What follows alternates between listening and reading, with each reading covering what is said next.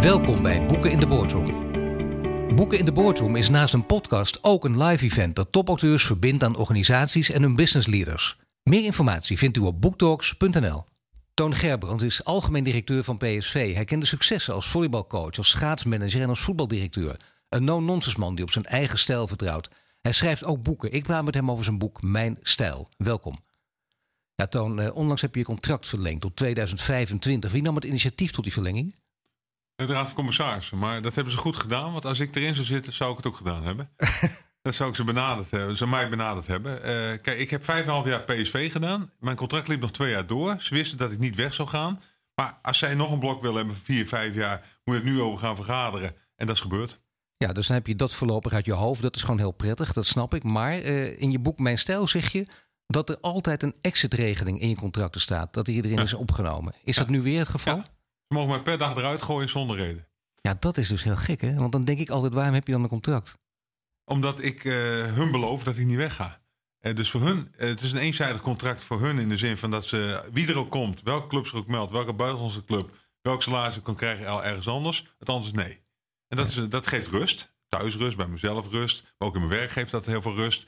En dus zij weet dat ik blijf. Maar als zij denkt het werkt niet meer, dan moet ik op koffie meenemen en zeggen we stoppen ermee. En dat is akkoord. En wat is het signaal daarmee voor de buitenwereld en bovendien ook voor de buitenwereld binnen PSV? Eh, want er zijn natuurlijk altijd mensen, dat kan niet anders, die, die misschien denken, nou ik zou het mooi vinden als Toon Gerban zou opstappen. Ook al zijn de meesten het met je eens. Er zijn, je hebt altijd een nee. organisatie mensen die, die, die je minder vinden, om wat voor reden ook. Nee, maar dat is dus helder. Dus dat betekent als zij denken van ik wil het met die man van in die vijf uithouden, zou ik een andere baan gaan zoeken. Ja. Dus dat, daar ben ik altijd makkelijk. En ik weet ook dat uh, in elke organisatie, uh, ik noem het altijd een derde deel, uh, met mij ziet zitten. Een derde waar met alle winden mee. En een derde vindt mij niks. Dus dat is ook goed. Dus, ik, dus als zij denken van ja, ik ga het nu nog eens een keer vijf met die man uithouden, zou ik een andere baan zoeken. Dat is mijn advies. Ja, het is wel een signaal afgegeven natuurlijk nu. Ja, maar het signaal is ook wel positief opgepakt in de zin van, kijk, als je kijkt deze organisatie qua, qua senioriteit, hebben we relatief veel jonge mensen daar werken. En uh, dus uh, dat is één. En twee, ook bijvoorbeeld hele grote sponsoren in de buurt van Eindhoven. Die vinden rust en stabiliteit de top ook wel een issue. Dus, uh, die exit, die exit-regeling is wel heel interessant. Hè? Ken jij andere mensen die ook in, in de top van het bedrijfsleven bijvoorbeeld functioneren, die op deze manier ook een contract hebben ingestoken? Nee, niet, niet in een contractvorm. Nee. Uh, het is zo dat, uh, wat je nu wel zag als je praat over actualiteit. Jaap Stam gaat weg bij Feyenoord en die roept ik hoef geen afkoopsom. Maar dat is eenzijdig. Hij ziet er zelf vanaf. Dat heeft Louis van Gaal ook een paar keer gedaan. Dus uh, met andere woorden, je kan zelf uh, vanuit ethiek en moreel besluiten om dat te doen. Maar de meesten niet in contract staan. Nee. nee, de meesten doen dat niet, denk je, vanwege angst, toch? Angst, 100% angst. Want ja. uh, dan denk ik, ja, wat, als ik wegga, hoe moet dat met mijn hypotheek en allemaal dat soort lifestyle beslissingen. Terwijl je vaker in andere boeken ook al hebt aangegeven, juist als je vertrouwen in jezelf hebt, om wat voor reden dan ook, dan kun je dit makkelijk doen. Want je, je misschien ben je je baan wel kwijt, dat zou kunnen. Of word je opeens ontslagen en dan ja. moet je even slikken. Maar je vindt altijd weer wat anders. Ja, maar er zit natuurlijk, als je negatief wil gaan denken, kan je ook denken, ja, ik word eruit gegooid. En ik krijg uh, twee weken later een hartaanval en niemand wil me meer hebben. Dan zit ik ook. Ja, dat soort ideeën, zo denk ik dus niet. Maar mensen die heel negatief willen denken, kunnen zeggen: ja, dan heb ik maar even geregeld dat we een paar ton extra opstaan voor een exit-regeling. Nou, dat doe ik dus niet. Het mooie is dat je op de lange termijn denkt. Dus dan is dat ook heel mooi. 2025, hè, PSV, ook een, toekomstvisie, de toekomstverkenning PSV tot 2030. Dat is ver voor uitkijken. Is, is dat reëel? Er zijn mensen die zeggen: je moet, je moet maar vijf jaar voor uitkijken. Je hebt ook mensen die zeggen: je kunt makkelijk tot 2040. Is, is 2030 willekeurig gekozen of echt een, een, een duidelijke ja. stip? Ja, het, het is, wij hebben de visie op 2030 staan. We weten zeker dat het niet zo gaat worden. Dat is natuurlijk ook helder, want dan zou je een soort uh, glazen bol en toekomst voorspellen kunnen zijn. Je ziet wel een aantal tendensen. En die, vanuit die tendensen kan je visie uh, neer gaan, gaan leggen. Kijk, als wij inderdaad ontdekken vanuit voetbal dat wij de slag met geld niet meer kunnen winnen. Uh, omdat Barcelona gaat volgend jaar naar een miljard. Boven een miljard, hè, de eerste jaar. Ja, en wij hebben 75 miljoen en daar vinden we heel tevreden mee. En als we Champions League halen 100 miljoen, dat is ongeveer ons budget. Dus moeten we het anders doen. En toen bleek de kansen zijn dat die clubs ook niet meer opleiden. Dus dan gaan wij in de opleiding onze uh, energie steken en onze keuzes maken. En dat heet dan een visie. Nou, daar kan je naar leiding aan geven. En uh, in die visie staat bijvoorbeeld dat PSV bij de top 32 wil horen. Er zijn soms wat misverstanden over bij mensen. Want dat betekent dat je bij de top 32 wil horen dat je in een Champions League gaat spelen. Een Champions League die er bijna uitziet als een soort Europese competitie. Ja. Kan ik het zo samenvatten? Ja, dat, dat zijn inderdaad de plannen. En we weten niet zeker of het zo besloten wordt. Maar als je bij de top 32 zit, dan heb je een goede kans dat je dus in dat, uh, op dat podium mee kan doen. Dus ja, je moet altijd stippen de horizon zetten. En uh, of je stip gaat halen, weet ook niet zeker. Maar je gaat wel die koers op. Alle beslissingen gaan we nemen om daar te gaan komen. En ja, dan, uh, dan hoor je daarbij. Ja, dat zou reëel zijn. In, uh, kijk, Nederland blijft een klein land natuurlijk. En dan zou Nederland twee landen afvaardigen waarvan PS, Ajax nu de koploper is hè, op, op alle gebieden. Nou ja, kijk, het is net hoe je bekijkt. Het, is, het, is, het klopt. Ajax staat op dit moment qua geld beter. Ze hebben op dit moment een Europese staan ze hoger dan, dan PSV. Ja, als je de afgelopen 20 jaar bekijkt, uh, of 19 jaar is PSV 10 keer kampioen geweest. Afgelopen vijf jaar drie keer. Dus je moet altijd vanuit eigen kracht je eigen beslissingen nemen. En wij gaan kijken of we die prijzen weer kunnen gaan, gaan winnen.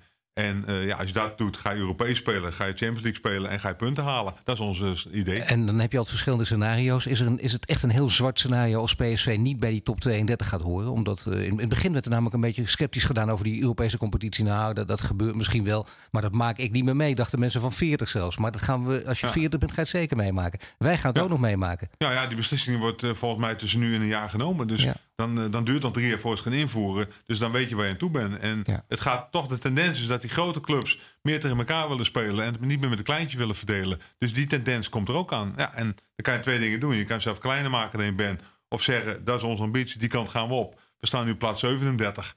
Dus ja, naar 32 is ook niet een uh, wereldstap. Nee, maar allemaal binnen dit contract van 2025 ga jij dit dus meemaken. Dan weet je ook of het wel of niet gaat lukken om, om tot die top 32 te horen. Stel dat het niet zou lukken. We gaan ervan uit dat het wel lukt. Maar als het ja. niet zou lukken, dan speel je het nog wel in de Nederlandse competitie. Zeker. Maar ja. dat geldt voor Ajax ook. Maar die Nederlandse competitie is dan veel onbeduidender, onbelangrijk op allerlei gebieden geworden, of niet? Nou ja, kijk, als je, als je gewoon even de tendensen ziet op dit moment, is het zo dat internationaal met transfers, met, met, uh, hoe het, met Europese geld die je kan ophalen, is dat vele malen belangrijker geworden dan, dan nationaal. Dus met andere woorden, van, je moet een mooi mix gaan vinden straks tussen Eredivisie, internationaal, opleiden, transfers en presteren. En ja, dat is een interessante uitdaging. En daarom is het leuk om daar een paar jaar leiding aan te geven. Maar het is dus ook heel interessant om nog steeds naar die Nederlandse competitie te blijven kijken. Vandaar ook voorstellen die jij doet. Hè? Bijvoorbeeld uh, 16 clubs. Eindelijk eens een keer naar 16 clubs. Waarom is dat zo belangrijk? Wat maakt het eigenlijk uit, 16 of 18? Nou, dat is de ruimte creëren in de agenda. Dat is, dat is de enige reden daarvan. Dat op het moment dat je met 16 clubs zit, dan, dan hoef je minder, uh, is het programma wat minder lang. En uh, je kan overigens het geld ook beter verdelen onder de clubs die er dan wel zijn. Want die krijgen dan meer geld en die, daar, daarmee trekken we ieder geval ook wat omhoog. En dat zijn de ideeën die erachter liggen. Maar ja, kijk, op het moment dat het niet haalt, want wij zijn niet de enige in Nederland, Ajax, PSV of Feyenoord die dat kunnen vinden. Ja, dan kan het wezen dat de competitie gewoon 18 blijft. Nou, dan is het 18 en dan gaan we dan spelen en dan moet je proberen het schema weer wat te veranderen. Dus ja, optie B ligt ook al klaar. En dan heb je nog een andere optie, namelijk de Beneliga. Nederlandse en Belgische clubs bij elkaar in één competitie. Is dat ook een reële optie voor jou of niet? Nee, op dit moment niet. Waarom niet? Het is zo dat uh, daar zitten zoveel haken en ogen aan. Dat los van het feit dat je dus dan de hele Eredivisie ontmantelt. Want dat betekent dat de helft van de top van België uh, en de helft van de top van Nederland bij elkaar gaat zitten. Hoeveel plaatsen krijgen dan Europees? Uh, we hebben nu uh, België 2, wij 2 is 4 in de Champions League. Krijgen we dan maar 2, omdat we één competitie hebben. Dus er zit zoveel haken en ogen aan. En het feit of je inderdaad zoveel geld ophaalt met de tv-gelden. Dat je kan zeggen van die, hij is rendabel. Wij zitten overigens tot 2024 vast aan het contract van Fox. Dus het is ook niet een heel reëel iets om nu uitgebreid over te gaan, uh, gaan lopen praten. Nou, laten we dan een ander model er nog bij pakken, namelijk het NBA-model. Je vaak het over gezegd hebt, ook over geschreven hebt. Uiteindelijk een gesloten competitie. Hè, de Amerikaanse basketbal is een gesloten competitie zonder degradatie. En ja. met allerlei regels ook daaromheen, waardoor de competitie veel spannender gaat worden. En dat is, dat is te lastig en te, te, veel tijd, ook zelfs in deze podcast, om daar heel lang bij stil te staan. Maar is dat in streven waar je Nederland uiteindelijk ook naartoe zou moeten? Nee, want uh, het is zo, wij zitten met voetbal in open economie. En uh, kijk, in Amerika kan je zeggen van ik heb één gesloten competitie. Alle eigenaren bij elkaar spelers afspreken, transferbedragen afspreken, salarissen, caps afspreken. Dat is NBA. Maar wij zitten wereldwijd in de open economie. Dus als wij het niet doen, doet Engeland het wel. Als Engeland het niet doet, doet Duitsland het wel. Dus met andere woorden, je kan hoger zeggen in Nederland van... wil ik een betaald voetbal, uh, bijvoorbeeld de eerste divisies voor het niet meer kunnen degraderen. Dat zou het maximale zijn wat een beetje lijkt op NBA, maar alle spelregels omheen kansloos. Nou vind ik het interessante dat je in mijn stijl uh, besluit met uh, wat is het toekomststreven over voetbal. En een beetje samengevat, meer spektakel en entertainment voor de voetbalconsument. En dat, hoe kan dat door aantrekkelijke voetbal? En nu zijn heel veel mensen die zeggen, ja, maar aantrekkelijke voetbal. Dat is altijd die discussie weer. Uh, ik wil ja. gewoon dat mijn club wint. Verschrikkelijk voetbal. We hebben drie uh, bussen voor het doel geparkeerd met 1-0 gewonnen. Dan ja. ga ik lekker naar huis, heb ik een fijn weekend. Ja. Ook al nou, was het niet aantrekkelijk. Nee, dat, dat klopt. En de eerlijkheid gebied ik wel te zeggen dat iedereen heeft het gevoel als je, als je wint, dan wil je heel snel die slechte wedstrijd weer vergeten. En je kan een prachtige wedstrijd spelen en, uh, en verliezen. En dan doet dat gewoon echt pijn. Dus ik, ik begrijp wel dat een aantal mensen dat op die manier vinden. Maar wat er wel aankomt als je praat over visie, is hele, wat ik noem even de entertainmentrevolutie. Uh, het, is, het is zo dat uh, voor fans en alles moet je heel veel dingen anders gaan organiseren. Ja. Kijk, uh, mensen bij, bij PSV die nu hun website aanklikken, krijgen allemaal een andere website. Dus iedereen denkt dat het dezelfde voorkant is. Dat is niet zo. Dus afhankelijk van wat jij bestelt, of je bij elke wedstrijd komt kijken, of je wat besteedt in de fanstore. Afhankelijk daarvan worden dat soort websites dus neergezet. Dus ja, het hele entertainmentverhaal, dat gaat een geweldige boost krijgen in de sport. Ja, een geweldige boost, maar die heeft toch ook een grens. Tenminste, ik weet niet of het veranderd is, maar de laatste tijd dat ik een keer dat ik je sprak en dan wat ik over je las, dan zeg je er is één grens, namelijk de kleedkamer. Die is heilig. Is dat nog steeds zo? Ja. Dat en is die, die blijft dat altijd. Nou, het leuke is wel dat wat, wat er een heel klein beetje gaat veranderen. En uh, de Warner Bros. Studios die hebben hier een, een speciaal studio een keer gemaakt vorige week. Hier in Eindhoven, hè, voor ja, de duidelijkheid. Ja, ja. ja, in Eindhoven. En toen hebben ze volumetrics uh, gedaan. Dat betekent dat uh, ik kan daar dan een speechje houden. Dat wordt dan, uh, als jij met je iPhone door de rondleiding loopt, zet je iPhone ergens op. Dan zie je mij helemaal live. Maar je kan ook van mij hoe het, appjes maken of selfies maken en dat soort dingen allemaal. Ja. En bijvoorbeeld in de kleedkamer zit er dan ook echt een speler op die stoel. En die zegt ook wat. Je kan ernaast zitten. Allemaal dat soort dingen, die komen er allemaal aan. En wij zijn de eerste wereldwijd als club die dat uh, oppakken. wij zijn ook de eerste die de primeur hebben gekregen van, van Warner Bros. Hoe, komt dat? Hoe kan dat? Ja, Eindhoven, hè? dat is innovatief. Ja. En je straalt uit dat je wat wil. En PSV is dan toch blijkbaar in de wereld, dat is ook echt dan zo een grote naam. Dus vind het ook prachtig als PSV dat oppikt. Want ja, die hele voetbalwereld. Ja, PSV, als... maar dit, dit blijft al de mooie. Want daar gaan we het zo meteen uitgebreid over hebben. Maar is het PSV of is het Brainport Eindhoven? Gewoon internationaal? Nee, wij zijn PSV. Alleen op het shirt staat Brainport Eindhoven. Nee, dat weet ik. Maar en, hoe wordt er uh, naar je gekeken? Wordt er internationaal vooral gekeken naar... Uh, is PSV bekender of is Brainport Eindhoven bekender? Nee, als je nu graag gaat vragen, is PSV veel bekender. Veel bekender. Door alle namen, door de historie, door de 100 jaar, door de prijzen die gewonnen zijn, door de topspelers die daar vandaan komen. Dus als wij nu met, met z'n tweeën naar Azië zouden gaan, dan kent iedereen in ieder geval PSV. En, uh, maar Rob van Grijsel, oud-burgemeester van Eindhoven, die begon dus ooit uh, geweldig natuurlijk met, met, met een mooie framing door steeds te zeggen: kijk, hier zitten de intelligentste mensen van Nederland bij elkaar. Dat hij ook, uh, nou ja, dan kun je via testjes zo meten dat het ook nog zo uitkomt. En dit is het Silicon Valley van Europa. Ja. Het kan zijn dat Warner Bros. om die reden hier naartoe komt, maar Warner Bros. komt omdat PSV hier ja, zit, dat, dat zou kunnen. Maar uh, kijk, ze hebben nog een paar studio's. Dit was de eerste in Europa die ze hebben neergezet. In Amerika er stonden natuurlijk al een stuk of vijf, zes van dat soort zaken.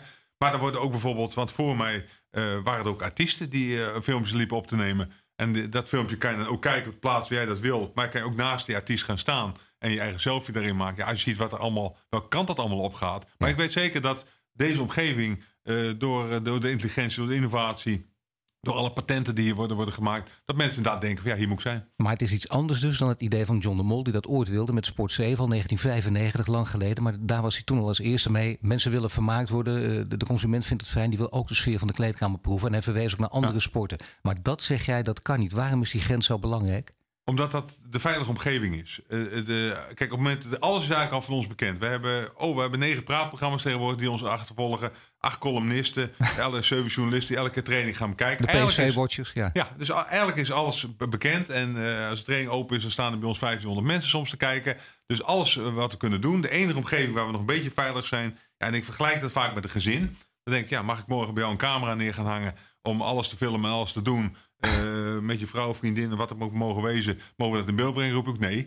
En dus er zit ergens een grens aan waar ik zeg, jongens, uh, hier wil ik het gewoon voor mezelf houden. Hier wil ik kwetsbaar kunnen zijn. Hier moet, moet ik kunnen huilen, hier moet ik kunnen lachen, hier moet ik boos kunnen worden. Zonder dat dat, want die praatprogramma's pikken die dingen ook gelijk op en dan gaan we er negen keer overheen. Dus ja, op die manier ga je bijna een toneel spelen. Nee, maar dat is inderdaad vergelijkbaar met het gezin, maar ook vergelijkbaar met de bestuurskamer. Dat, dat kan gewoon niet. Dus dat zijn precies de grenzen. Dat wil je ook. Die gesprekken moet jij ook hebben. Jij moet bijvoorbeeld ook met, met, met, met bijvoorbeeld Mark van Bommel een, ja. een hard gesprek kunnen voeren. Gewoon onderling tegen elkaar. Dan moet je elkaar volledig kunnen vertrouwen en weten dat er niets van naar buiten zal komen. Ja, precies. En ook jongens die met issues zitten, die gewoon dat willen delen. Wat er bij hun gezin gebeurt, wat er met hun persoonlijk gebeurt. Er gebeuren wel eens incidenten. Nou, als je dat allemaal op straat gaat, gaat lopen gooien. met die negen programma's die dan daar een commentaar over gaan leveren ja, dan is het bijna niet meer te doen. Nee. Wat ik al vertel, kijk, die ideeën worden dan uh, geroepen. In de sport moet dat kunnen. En als ik inderdaad zeg, zet dan maar een camera bij John de Mol in de boardroom neer. Vind ik leuk. Dan eens even kijken wat er allemaal besloten. En dan ziet de tegenpartij de strategie. En dan weet ik waar hij mee bezig is. En dan zie je hem een keer boos worden. Nou, dat is interessant.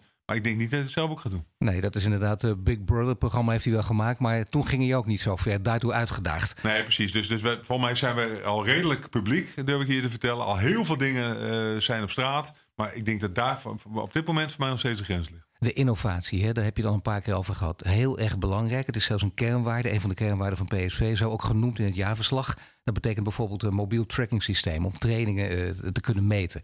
eh, nog veel meer gaan meten. Hè. Meten, meten, meten. Dat is een hele belangrijke. Dat staat heel ver van voor mensen voor hun gevoel vandaan. Dat, dat is altijd het grote gevecht tussen aan de ene kant de big tech vinden we fantastisch en leuk en kijkers. Aan de andere kant ook de angst van de globalisering en wat doen ze allemaal met ons. Ja. Is, Nee. Speelt het laatste voor PSV ook een rol? Of zeg je, we moeten gewoon mee in de vaart der volkeren? Ja. Nee, ja, kijk, je, je moet het, wij proberen het zo slim te doen dat we het en praktisch houden. eh, en waar iedereen ook van kan mee kan profiteren. Kijk, we hadden het net over dat hele tracking-systeem. Dus je meet dus inderdaad wat de hartslag is van mensen, hoeveel ze gelopen hebben, hoeveel snellingen erin zitten. Allemaal dat soort data is fysiek. Maar wij koppelen dat tegenwoordig ook al aan voeding. Dat we zeggen, nou, als iemand twee keer per dag traint, krijgt hij andere voeding eh, dan als hij één keer per dag traint, of dat hij geblesseerd is. Eh, dat wordt dan weer vertaald in, in al die apps. Maar die apps kunnen ook worden gebruikt voor mensen die uiteindelijk willen afvallen of een marathon willen lopen. Of zeggen van hoe, hoe ga ik het eten daarin regelen. Dus het wordt ook op die manier echt, echt terugvertaald. En wij proberen ook bijvoorbeeld dat al het meten. We zijn in Boston geweest eh, om bij alle grote bedrijven, TripAdvisor, hebben we gewoon gevraagd van die meten echt alles. Daar is de invloed van de directie, die neemt af. Dus als ze zeggen waar moet het cijfer staan van TripAdvisor, linksboven, rechtsboven, rechtsonder of linksonder, wordt alleen maar gemeten. En, eh, en dan kan de directeur vinden dat rechtsboven moet. Als, kijk, eh, we hebben laatst een heel praktisch ding gemeten. Waar echt iedereen wel wat er kan hebben. Is van wanneer moet er een mailing eruit gooien? Overdag, eh, om drie uur, om twee uur, om acht uur, s'avonds. En wanneer krijgt dan de meeste respons? Nou, dat, dat bleek bij ons te zijn na zessen. Dus Ja. eh, dat wordt dan gewoon gemeten. En we hadden de laatste keer wat, wat motorrijders. Die hadden een wereldtitel gewonnen. En toen daar was de vraag, moeten we die gaan huldigen? En dan gaan de, de, de econometristen en de datajongens aan de slag. En die ontdekken dan dat in het stadion 10.000 mensen zitten die iets met motorsport hebben. En dus huldigen we. Zaten er 10, hebben we gezegd, nou, laat die huldiging maar achterwege. Dus het wordt ook allemaal eh, toetsbaar gemaakt. Dus het is duidelijk dat die data voor iedereen eh, nuttig en gunstig kunnen zijn. Daar heb je dus ook hele goede partijen voor nodig. Fontes IT gebruiken jullie, TU Eindhoven. Ja. Dat zijn ook serieuze samenwerkingsverbanden? Of is het een Nee, dat experimentele is eh, samen- samenwerkingsverbanden. Dus wij, wij laten ook alle, zeg maar, de hele big data analyse. daar helpt de TU Eindhoven ons mee. En eh, het zijn allemaal jonge mensen waar ik nu over heb, van eh 25, 26 jaar. Die, ons, eh, die wij kunnen vragen stellen. Die komen met, met de antwoorden, die matchen alles. Die komen met ideeën. Kijk, als wij een wedstrijd hebben om, eh, Ja. om half drie 's middags tegen de middenmotor in Nederland. weten zij hoeveel zakken chips waar worden verkocht. Ja. Ja, dat soort dingen tegenwoordig allemaal. Ja. Dus het is allemaal niet meer dat de directeur geroepen, nou laten we daar maar doen en daar niet. Dus wij weten exact hoe dat tegenwoordig gaat. En ja, dan kan je discussies voeren over de ethiek.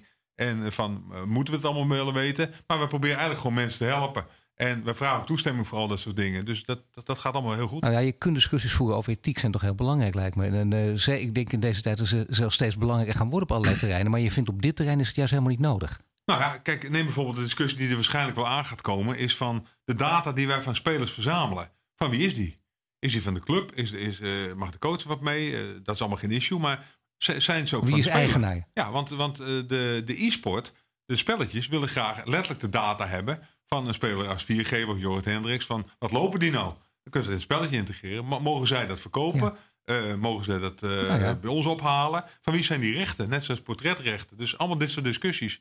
Die, dat zijn ook moderne discussies van Ja, deze tijd. dat worden bijna ook juridische discussies uiteindelijk. ja, dat, dat gaat een keer worden uitgevochten bij een rechtbank. Ja. Welke kant gaat het op? Of kun je daar nu nog geen richting in ontdekken?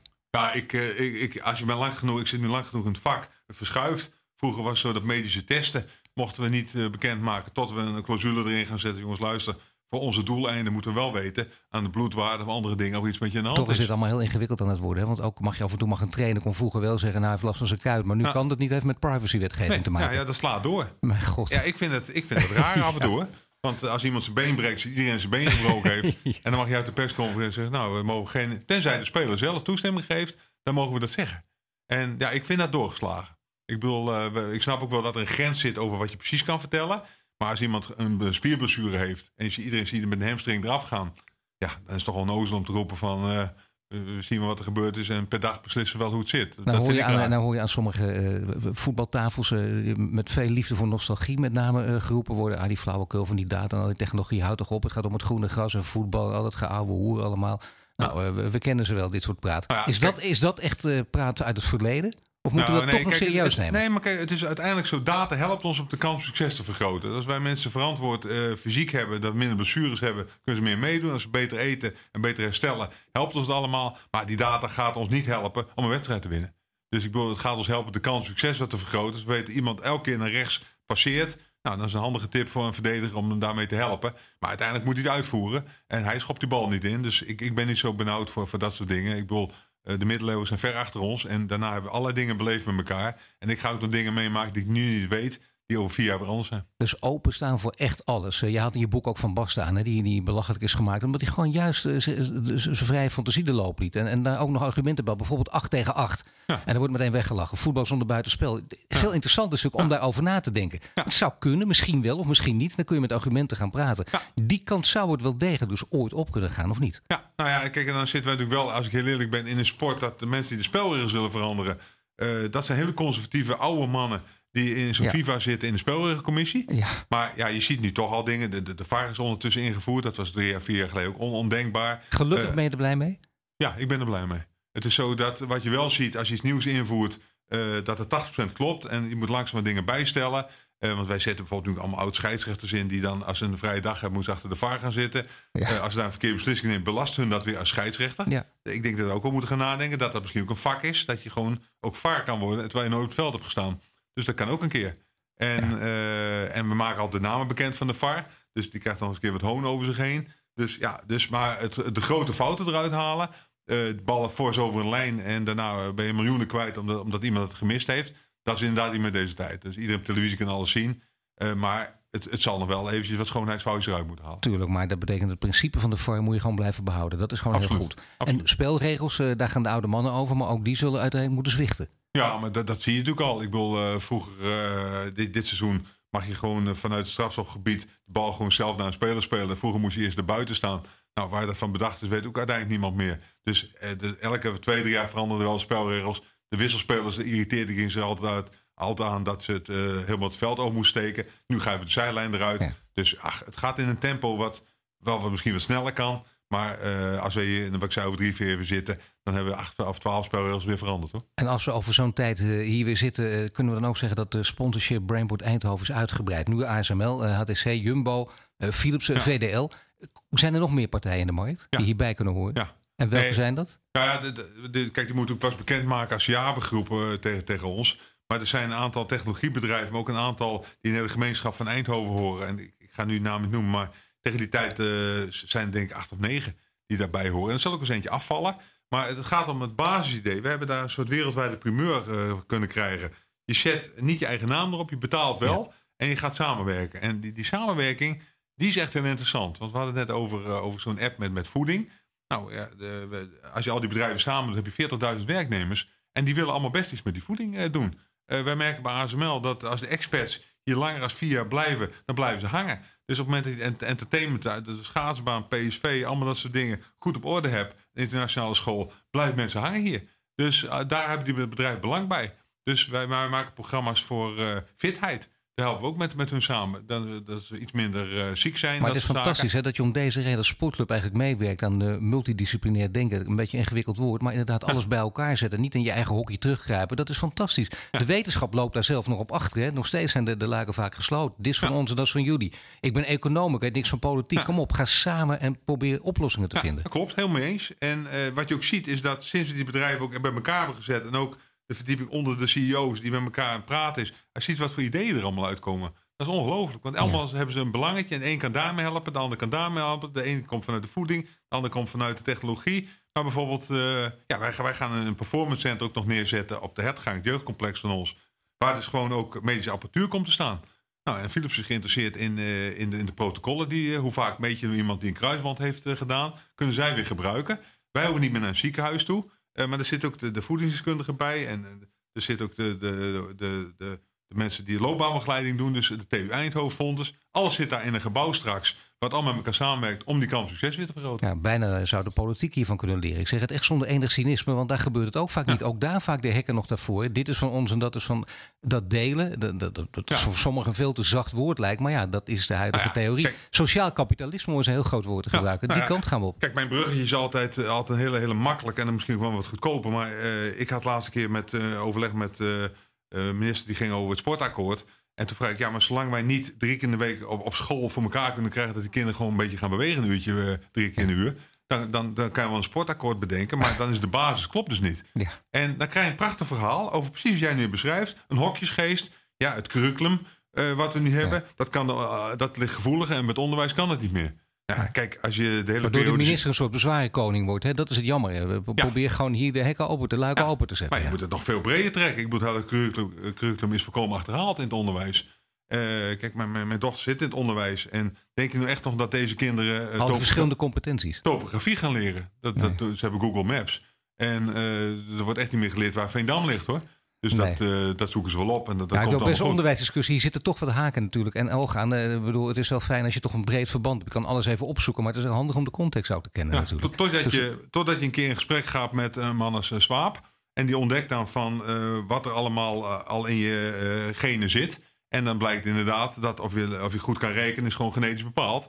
En dan vallen ze mij lastig met eh, wiskunde en dat, dat soort dingen. Ja, dus niet al die competenties, maar gewoon zorgen, zetten je talenten. Probeer die ook- talenten gewoon te versterken. Durven na te denken, en we hadden het over die hokjesgeest. Dat eh, zes weken vakantie komt uit de oogsttijd. Dat mensen moesten oogsten en, en teruggingen en even daarna weer terugkwamen. De beste periodisering is gewoon, eh, maak vijf blokken van twee weken in het onderwijs waar ze, waar ze vrij zijn. En blijf dan gewoon lesgeven.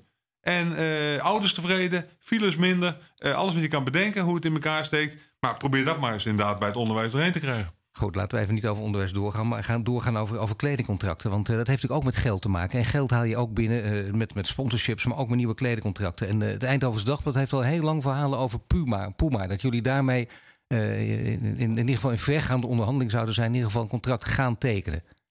Nou, dat is wel mooi natuurlijk voor zo'n podcast om even zo'n primeurtje dan mee te nemen. even wegslepen voor. eh, Nee, maar kijk, In het- het, is, het is altijd wel grappig als je het stuk ook leest eh, hoe het daar omschreven staat. Eh, kijk, het is zo, wij hebben in ons contract staan en eh, iedereen die mijn leiderschapstijl kent, die weet hoe het in elkaar steekt. In het contract met, met Umbro, die we nu hebben, Ja. staat dat wij eh, vanaf 1 tot 1 januari niet kunnen communiceren of we hun contract verlengen of dat er een nieuwe komt. Nou, en dat, eh, dat weet ook iedereen. Alle kranten weten dat. En als zij eh, denken van dit gaat het worden, dan mogen ze het opschrijven. En eh, er stond overigens, als je het goed leest, dat ze in gesprek zijn daarmee. Nou, wij hebben tot 1 januari niks te melden. En Ja. dat weten ze. Dus ze bellen dan op en dan krijgen ze geen commentaar. En dan maar dat is ook gewoon juridisch afgedekt. Ik kan Oh, daar ja. nog wel tien keer over doorvragen. En zeg je, nee, Ja. maar dat kan niet. Want dat, ze hebben wij terecht, afgesproken want- om niks over te zeggen. Want we hebben nu een, eh, een sponsor die er nu zit. En als we nu zouden bekendmaken van eh, we stoppen ermee, we gaan naar de volgende. Dan staat de hele fanstory die staat vol met al die shirts. En ik begrijp wel, ook de volgende sponsor, of, of, of, zij gaan verlengen, zullen dat er weer in gaan zetten. Geld kun je ook halen door eh, lucratieve tips te maken. Bijvoorbeeld dat Ajax gaat doen eh, naar Qatar en daar eh, stadions testen voor het WK. Dan gaat die hele, over ethiek gesproken, eh, laait die hele discussie natuurlijk weer op. Over dat moet je niet doen, dat kan niet als een voetbalclub. Ja. Jij hebt vaak gezegd, voetbal en politiek, ook in dit geval, moet je gescheiden houden. Maar ja, we hadden het net over voetbal en politiek. Kunnen we Ja. degelijk ook af en toe samen gaan, zeker op een positieve manier. Ja. Moet je het hier ook toch doorbreken en nu wel dus uitspraken erover doen? Wij, zijn vorig jaar zelf naar Qatar geweest. En eh, hoe heet het, eh, wij, zijn nu ook bezig met de trainingskamp. Dat is ons goed bevallen. Dus het kan ook zo wezen dat wij binnenkort ook een keer roepen dat we weer misschien daarheen gaan. Eh, ik heb toen een discussie gehad. Waar ligt dan de grens? Moet ik dan iets vinden van, eh, van Rusland als we daar tegen gaan spelen? Moet ik iets vinden van andere landen? Hoe zit dat? En ik heb toen zelf de uitspraak gedaan. Ik luister, op het moment dat eh, hoe het, in Nederland wordt geroepen... daar mag je niet heen, dan ga ik er niet heen. En voor de rest ga ik me niet op een snijveld eh, begeven van... die wel, die niet. Eh, ja, dan, eh, wij, wij gaan erheen. Eh, we hebben mooie omstandigheden gehad vorig jaar. Ik heb het één keer uitgelegd. Nou, je krijgt allemaal columns en allemaal dingen op, op je dak... over wat andere mensen ervan vinden, waarvan akte. Nou, je dan inderdaad dan het, het einde is zoek als je dit gaat doen. Want dan betekent dan moet je echt overal een mening over hebben. Dan kun je of alles niet doen of wel doen. Maar in ieder geval dan, dan, ja, dan is het letterlijk het einde zoek. Ja, dan is zo, uit elk politiek systeem is wel, is wel iets te vinden waar je denkt, jongens, klopt dat? Moeten we dan, moeten we dan ik heb toch gezegd, naar Rusland toe, eh, als we daar wedstrijden spelen. En, de, en ik stel ook heel eerlijk de vraag aan die journalisten. Ik zeg, als jullie dan zo erin zitten, eh, ga je dan ook niet naar de WK in Qatar toe? Precies, dan moet je zelf ook niet gaan. Ik, ben ik benieuwd wie, wie daar dan heen Ja. gaat en zegt, nee, dat vind ik principieel onjuist. Ik ben er dus niet. In 78 was een hele principiële discussie, heel lang geleden. Maar die heb ook allemaal nog meegemaakt in Argentinië. Natuurlijk wel of niet gaan. En eh, dat speelde toen hoog op, juist bij journalisten ook. Maar ook de journalisten die heel erg tegen waren, zijn uiteindelijk toch gegaan. Ja, Onder het en mond dat- van, ik en ga ik dan... ben de laatste die er iets van vindt. Ik wil er eerlijk over zijn. Eh, als we met z'n allen vinden dat het niet kan, moet je het gewoon verbieden. En er zijn gebieden in de wereld waar de regering van zegt, daar moet je niet naartoe. Dan gaan we er niet heen. En eh al het andere kan je iets van vinden. Eh, wij, wij benaderen alleen vanuit de sport.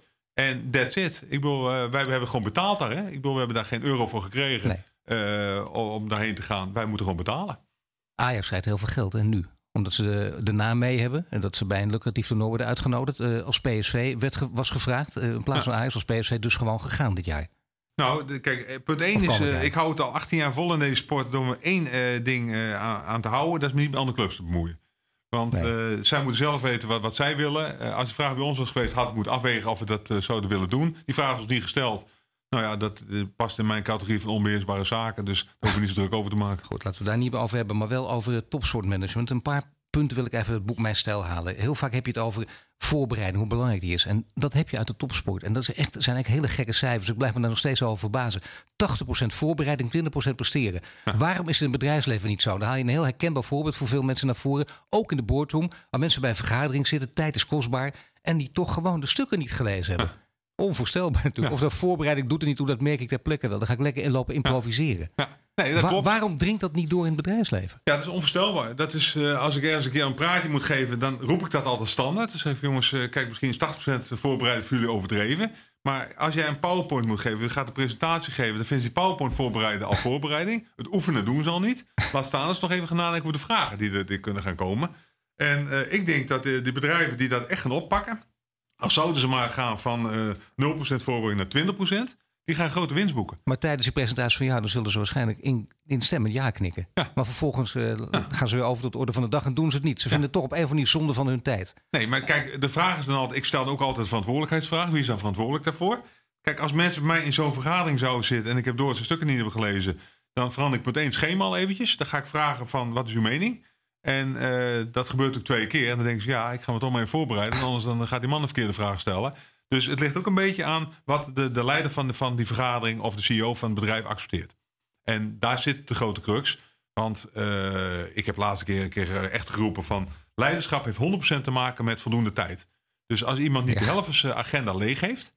kan in mijn optiek nooit een goede leider zijn. Ja, en dat is wel interessant, hè? want je agenda is nooit leeg. Althans, eh, mensen maken dat meestal niet mee. Je hebt het één keer wel meegemaakt dat je agenda leeg werd. En dat leidt ook tot hele mooie dingen, zei je. Want mensen kijken meestal twee maanden vooruit. Ja. Er stond een beetje een leuke relativerende opmerking bij. Dat gaat vanzelf voorbij als je dood bent. Dan hoef je niet meer. Vanzelf, alle problemen zijn opgelost. Maar jij hebt een keer gehad dat alles, je liep niet meer voor. Je, je liep Nou, gewoon. ik, heb, ik heb een hele actielijst afgewerkt, gedaan. Eh, ik had geen archief meer, alles weggegooid. En dan word je ontzettend creatief. Dat is een bepaald gevoel, want de hersenen gaan natuurlijk wel door. Alleen je bent onbelast in, in die situatie. En als je het naar bijhoudt...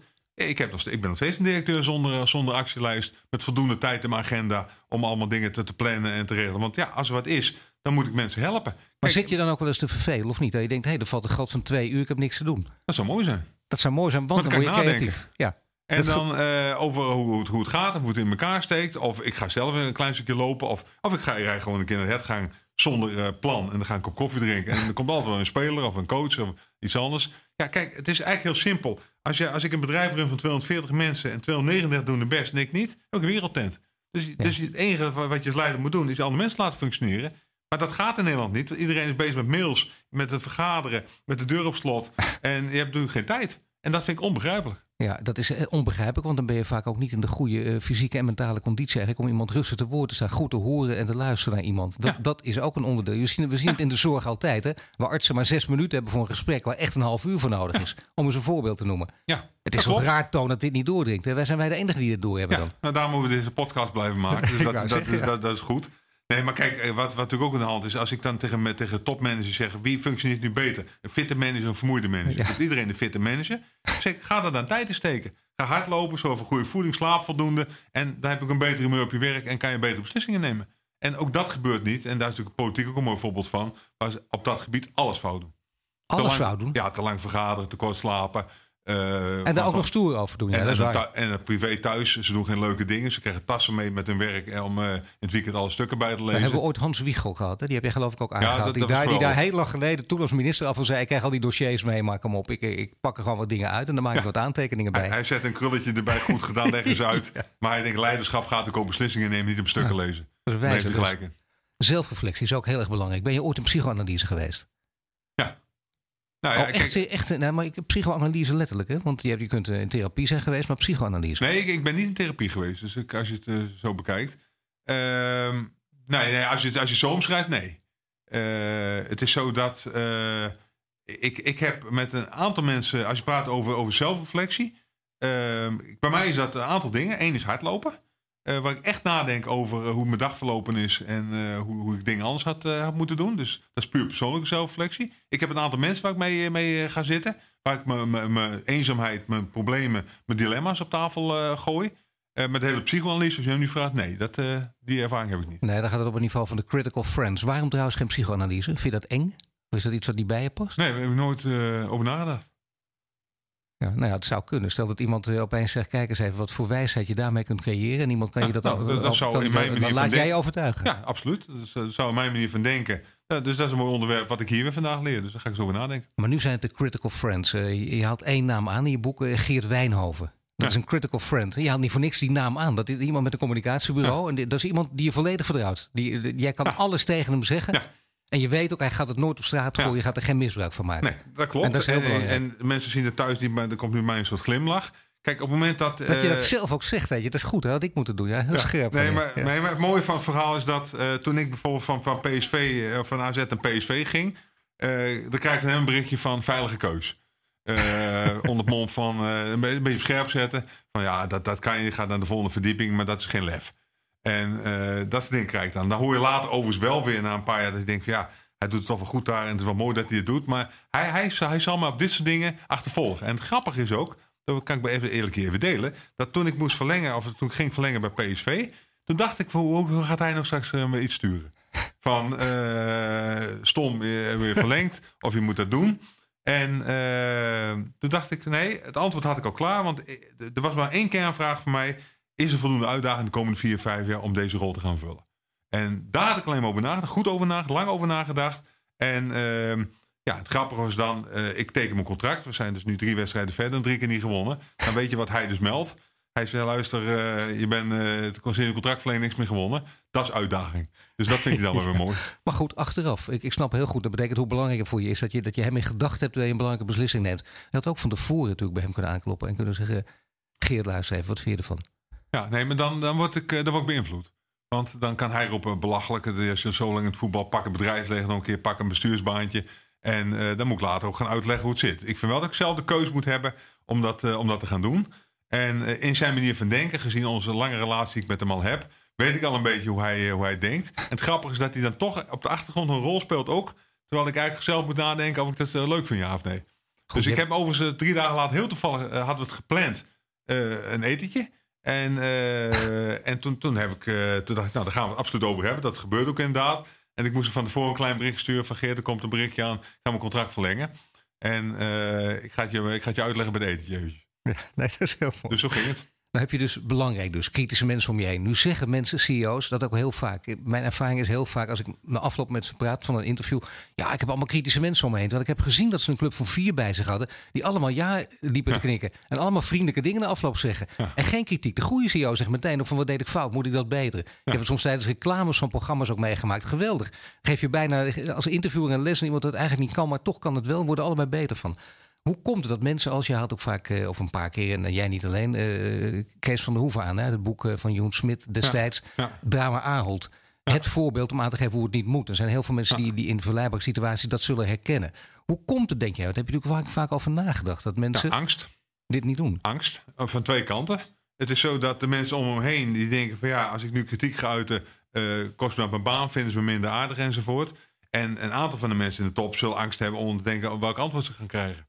Want dan denk je, ja, klopt het nou? Kijk, uh, Albert Heijn van de Hoeven was natuurlijk een, een issue van te weinig check and balance.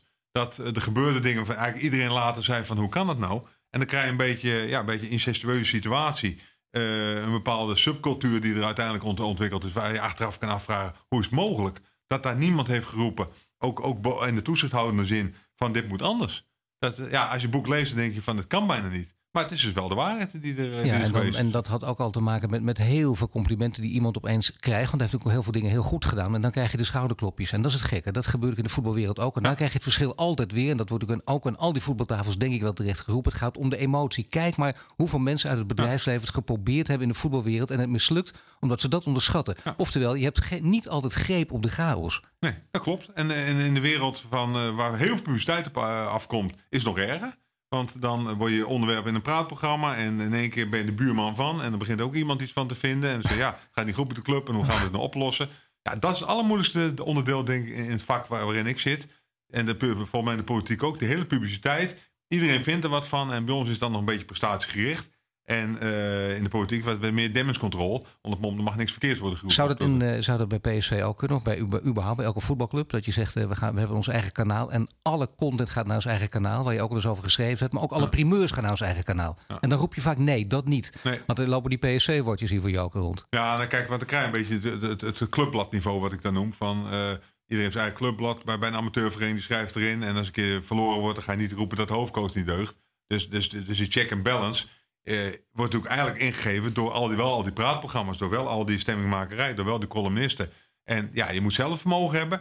Want ik volg natuurlijk wel een aantal dingen. Die praatprogramma's niet, maar wel de columnisten. Denk, nou ja, daar zit wel wat in. Maar die praatprogramma's volg je niet, daar kijk je ook niet naar. Nooit, nee.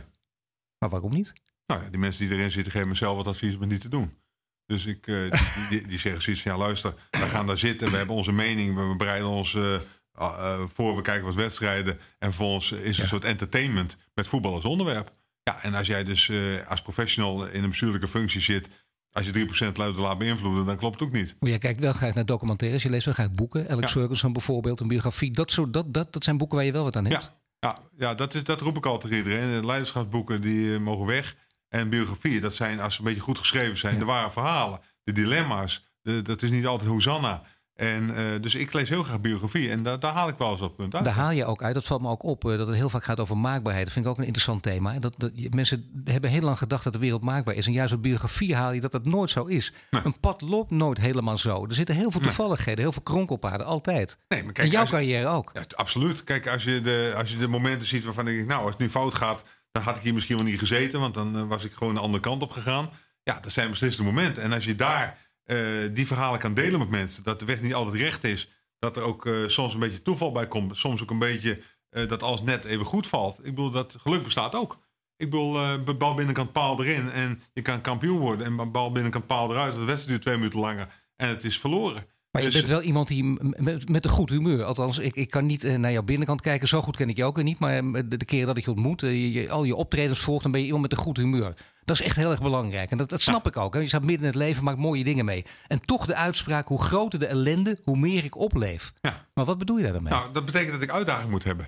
Dus kijk, je hebt mensen heel goed zijn in het beheren van, van een organisatie. Nou, dat moet ik dus niet, want dan ga ik uh, snel een beetje stemming maken en dan krijg ik wat reuring. En dat vinden natuurlijk mensen dan in zo'n organisatie. Maar dan ga je leuk. provoceren. Ja, een beetje challengen. Maar geef eens een voorbeeld, dan ben ik dan benieuwd naar hoe je dat doet.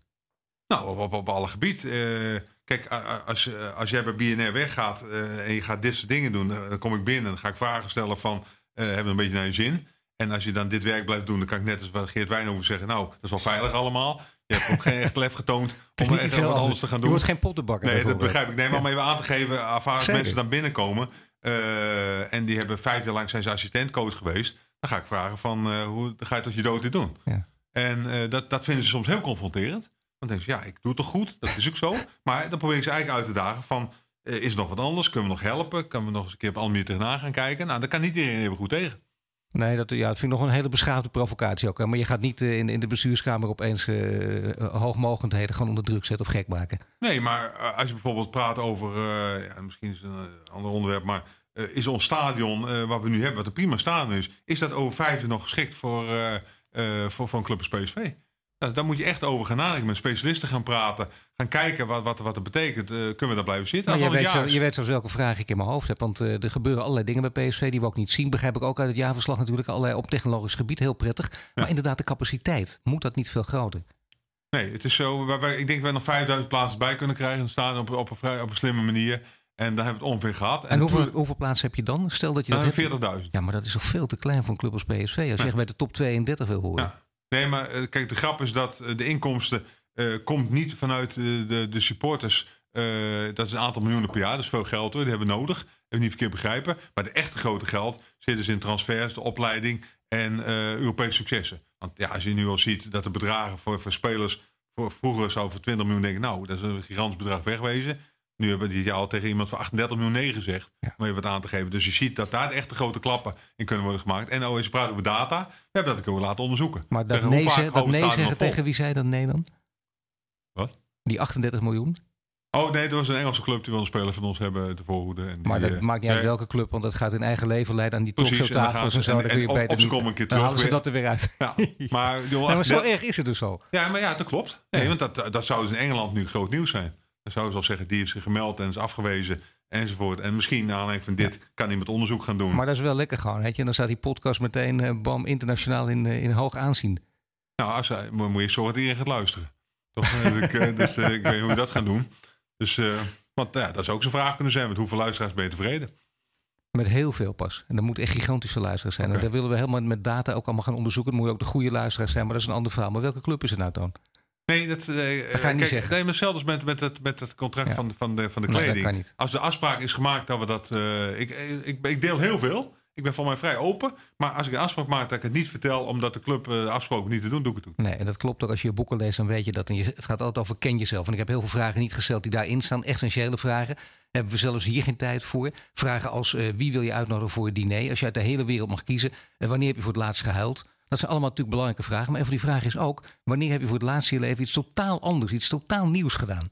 En wat is het antwoord van jou op die vraag? Eh, Want je hebt de gekste dingen gedaan. hè? ja, zeker. Ja, de, de, de, de, de laatste dingen die ik gedaan heb... eh, dat was eh, de cursus discjockey. Oh ja, dus nou, dat, is, ja, dat is wel behoorlijk gek, ja. Nou ja, dat wordt in, althans in onze wereld niet helemaal begrepen altijd. En eh, nee, maar dat was ook echt. dit is ook uit mijn tijd een plaatje opzetten, aankondigen. Dat was het. Nee, dat was van die riffjes maken en aan elkaar koppelen. En eh, kijk, het leuke van dat soort dingen vind ik nog niet eens de techniek om dat een keertje te gaan doen en eens een keer te kijken hoe de wereld in elkaar steekt. Maar die man die daar die, die de les gaf, ja, dat, dat is bijna een, eh, een beetje bij half tragisch verhaal. Want die heeft natuurlijk ooit wilde natuurlijk een grote DJ worden op een wereldpodium, multimiljonair met een privéjet enzovoort. Dat is niet mislukt. Oei. En eh, ja. die staat dus nu les te geven eh, voor een paar honderd euro per keer. Maar Eh, toch hopelijk niet op een zure manier, want dat zou heel vervelend zijn. Dat Ah, nee, achteraf maar, het grappige is dan, lesgeven. Nee, maar als je praat over challenge, dan ga ik met zo'n man wel een gesprekje aan. Denk ja, hij is nu 40. Ga je dit je 60ste doen? Is het een soort frustratie? Eh, kan je nog andere dingen? Hoe gaat het allemaal? Dus dat zijn voor mij wel de leuke gesprekken die ik daar, eh, die ik daar voer. Ik heb ook Ja. een keer schapendrijven gedaan. Dan krijg je met vier mensen te maken die allemaal een burn-out hebben gehad. Ja. En die staan op de Veluwe en die willen dat niet meer. En dan gaat het niet over die schapen, maar het gaat wel over die mensen. Over hoe zij erin zitten. Jij hebt behoorlijk wat gedaan in je leven. Eh, nu ben je algemeen directeur. Dat blijf je laten vanuitgaan. In ieder geval tot 2025 bij PSV. Maar wat is het ideale beroep? Als je nu alles op een rij zet. Als je denkt, wat, wat, wat was een beroep dat bij mij had gepast... als, als ik het allemaal had geweten toen ik 20 was? Nou, ik, ik heb ooit een keer geroepen dat ik, eh, dat ik docent wilde worden.